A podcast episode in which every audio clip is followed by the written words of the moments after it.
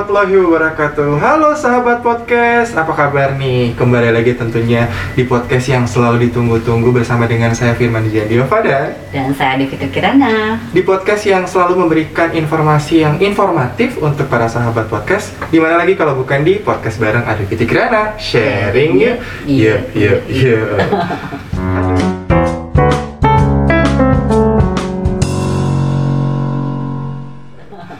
Aduh, kali ini bahasanya masih seputar dengan COVID-19.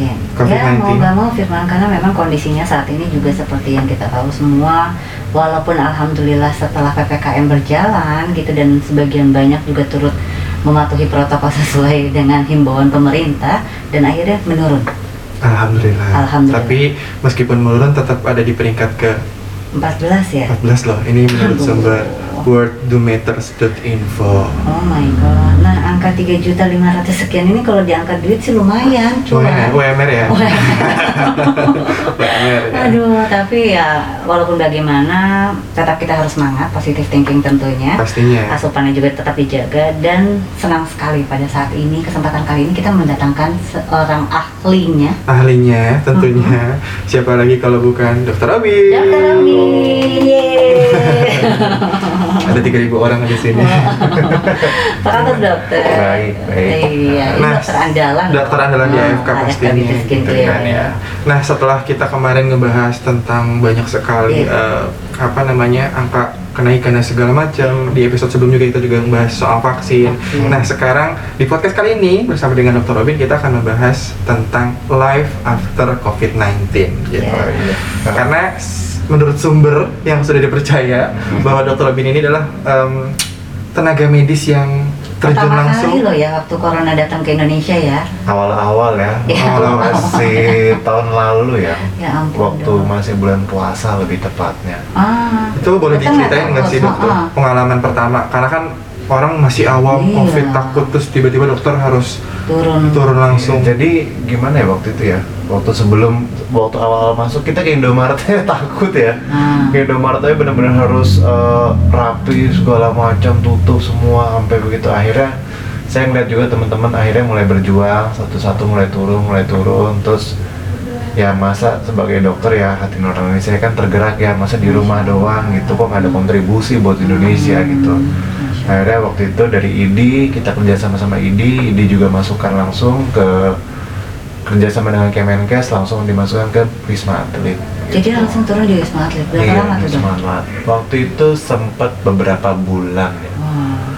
sekitar pokoknya waktu itu masih bulan puasa lebaran juga waktu itu sempat masih di sana gitu Dan lagi penuh-penuhnya tuh ya. dan lagi ya sekali masuk langsung berapa puluh orang berapa Ya puluh orang apalagi waktu itu sempat ABK ya waktu buah kapas kayak datang 300 orang Oh, gitu iya iya iya iya. iya. sekali masuk begitu dulu Oh. masih kebanyakan rata-rata OTG ya sama beberapa orang mungkin ada komorbid ya misalnya dengan adanya diabetes, adanya Hmm. darah tinggi, sama ada penyakit-penyakit lain, ah, seperti Ah. itu.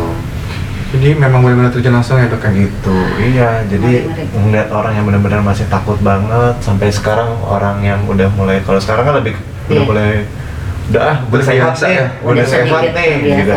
Uh, apalagi zaman dulu masih tabu banget Iya, ya iya, iya, image-nya kalau misalnya orang kena covid tuh kayak Uh, langsung udah deh gimana gitu. dijauhi banget iya, lah gitu betul, betul, betul. nah Sekarang ngomongin soal itu tadi dok biar kita nyambung Eh, perbedaannya apa sih Iya. orang pada saat Pertama eh, kali dulu. pertama kali dulu sama sekarang which is sudah setahun ya Dua tahun dong. dua tahun ya ya udah jalan tahun kedua Iya. itu ada perbedaan nggak sih dari segi dokter melihat sebagai tenaga medis Ah. orang-orang di Indonesia Jadi kita ngebahas pertama dari psikologis ya, psikis Mhm. dulu deh. Psikis itu kelihatan beda ya. Zaman dulu ketakutan dan lebih kelihat arah tabunya sangat tinggi zaman dulu. Zaman sekarang mungkin orang terbiasa, psikisnya sudah terbiasa, sehingga hal-hal seperti itu pun udah tidak dianggap tabu lagi gitu. Udah ah, udah siap ya. kita kalau lihat orang covid, oh ya udah cepet sembuh apa justru kita Iya. support. Kalau dulu kan enggak, Iya. takut sekali Covid, gitu ya, jangan, ada dijauhi. Kayaknya, gitu. oh, oh. Uh, terus se- segi psikis kedua kita baru bahas uh, mengenai segi virus segi virus yang saya lihat sih udah mulai perkembangannya juga dan komplikasinya yang sekarang lebih infeksius Aduh, ngeri itu Ah, sekarang. terus terang Berarti lebih, sebenarnya lebih lebih serem yang sekarang terus terang lebih infeksius Oh. karena tingkat kematian sangat tinggi apalagi yang baru-baru ini varian Aduh. delta Gitu. Katanya itu juga kan tidak tertangkap eh, terdeteksi oleh antigen ya dok ya Eh, ya lebih tepatnya ke PCR ya. lebih ke PCR sih karena antigen tuh lebih kompleks dan keakuratannya agak sedikit di bawah lah. Di bawah PCR bisa- itu ya? ah, tidak bisa kita samakan. Kalau PCR kan langsung kita deteksi lebih tepat, lebih akurat. Dan katanya kebanyakan virus delta ini eh, OTG ya dok. Memang awal banyak orang OTG karena eh, sebenarnya mungkin orang sebelumnya sudah pernah terpapar COVID tersebut kemungkinan. Jadi yang sekarang itu dia sudah mungkin ada sel memori, jadi imun juga masih ada gitu. Jadi varian yang masuk tidak begitu berat. Hmm. Uh, mungkin ada ya seperti misalnya kehilangan penciuman, bau rasa seperti itu, ataupun nanti pusing-pusing aja atau demam sedikit, besokannya sudah mulai oke, mungkin lebih kayak itu. Tapi kalau ada yang belum kena, sekalinya kena, apalagi dengan komorbid, nah itu makanya angka rumah sakit full semua. Iya, iya, mana-mana. Iya, karena aduh bahkan orang terdekat kita juga Iya, iya. Sudah banyak juga pembelajaran lah buat kita semua karena memang kita ternyata harus hidup berdampingan dengan COVID-19 ini. Insya Allah segera ya. harus dong, harus segera. Nah dok, Gitu. ini kan masih orang banyak yang eh, awam tentang COVID gitu ya, maksudnya kayak em, apa sih yang terjadi pada saat eh, apa yang terjadi eh, di tubuh Kita kita, terpapar ya. pada saat kita terpapar COVID gitu. Hmm. Jadi kalau virus masuk sudah otomatis karena imun kita turun. Oke. namanya terjadi se- apa infeksi segala macam ada yang namanya pasti ada damage organ itu kerusakan kerusakan sedikit atau Hmm. seperti apa apalagi kita adanya penyakit penyerta yang lain komorbid yang lain misalnya Hmm. apa penyakit paru-paru Hmm. atau penyakit diabetes atau Hmm. ada penyakitnya hipertensi berkaitan dengan jantung otomatis kerusakan terjadi akan lebih parah gitu karena dijembatani oleh si covid tersebut Hmm. jadi eh, terjadilah kerusakan-kerusakan organ terutama di paru-paru ya itu sangat-sangat kebanyakan rata-rata di arah situ gitu. Jadi kita harus prepare untuk bagaimana kita ketika ada sembuh Hmm.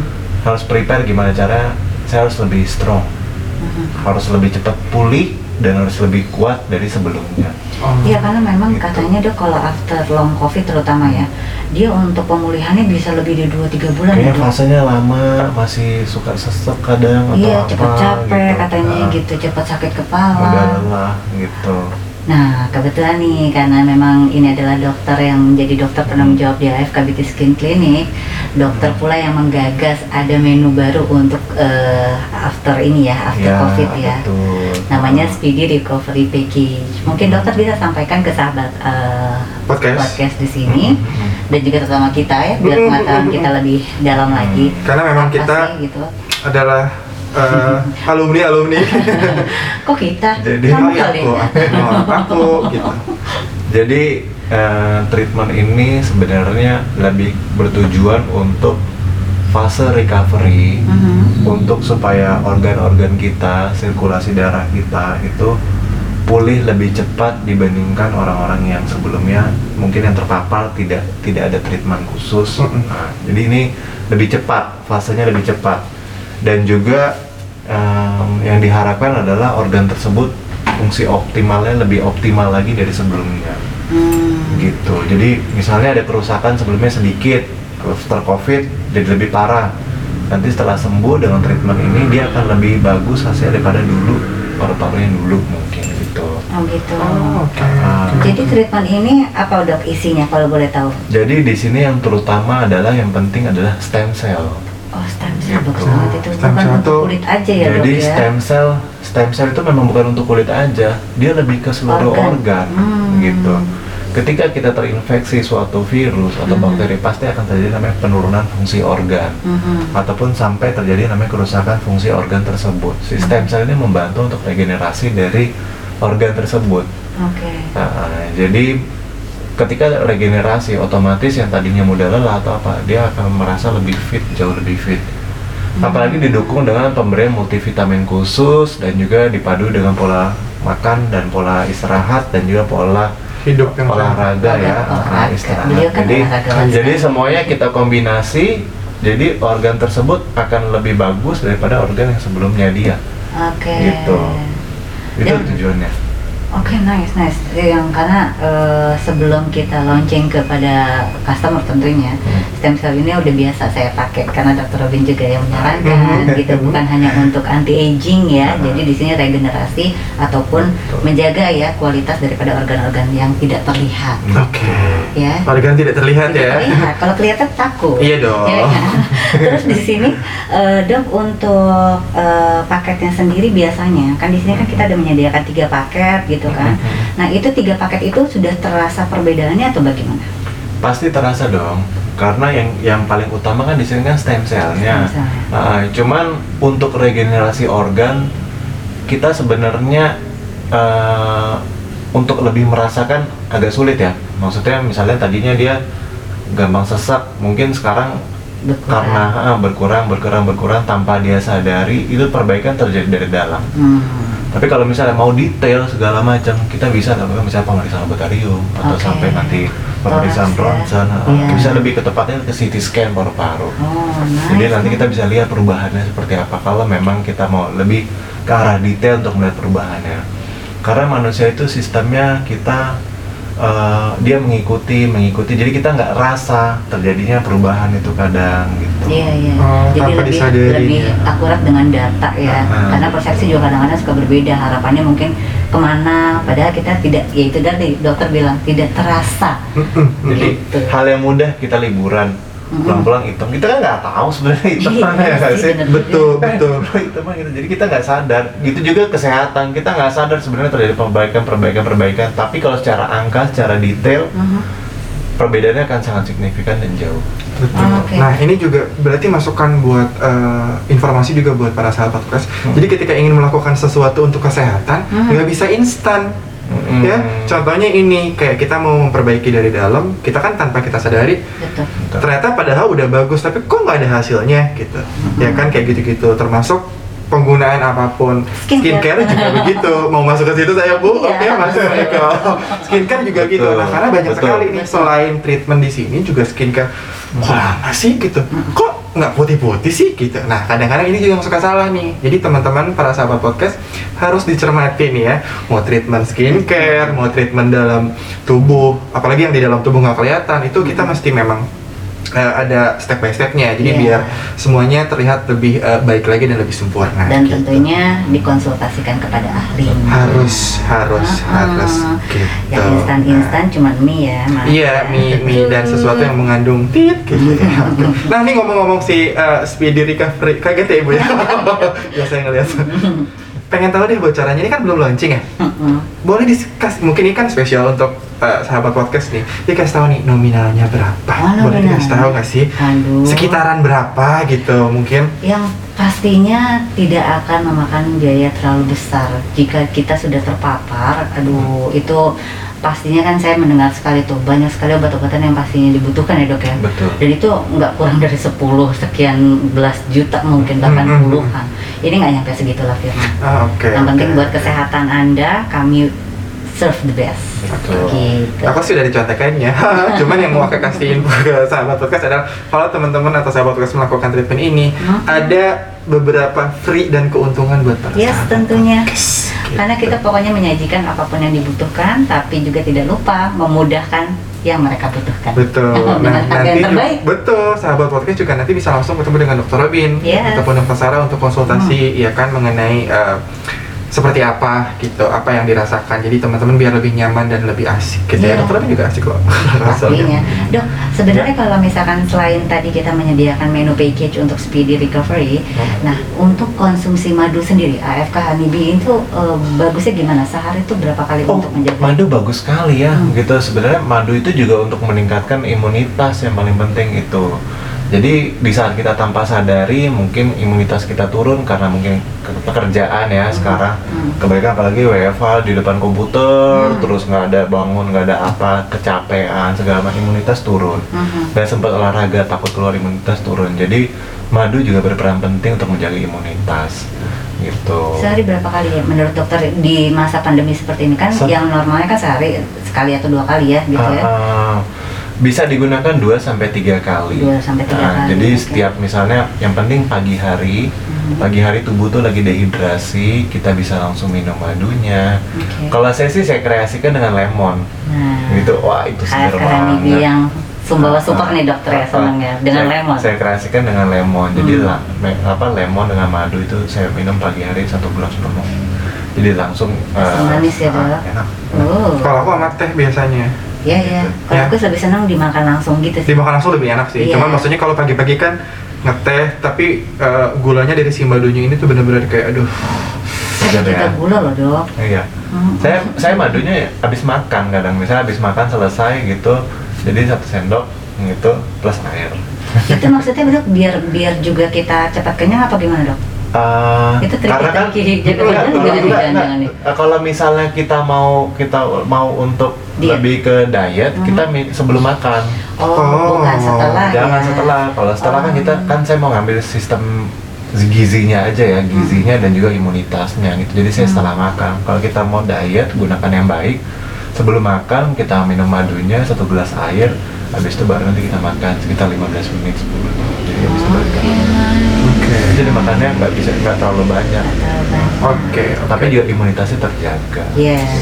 Dan Oke. AFK kan memang aman untuk penyakit diabetes karena memang tidak ada campuran di dalamnya. Betul, betul, Yes, betul. gitu. Semua asli kan, Yes. Bu, gitu ya. Oke. Nah, balik lagi soal Covid nih, aku mau nanya karena kan banyak nih sekarang yang OTG nih, seperti dokter Hmm. bilang gitu, yang tidak ada gejala apa pun gitu. Kan pasti itu disarankan untuk isoman gitu. Iya, nah, isoman. hal apa saja yang harus dilakukan ketika kita isoman sendiri?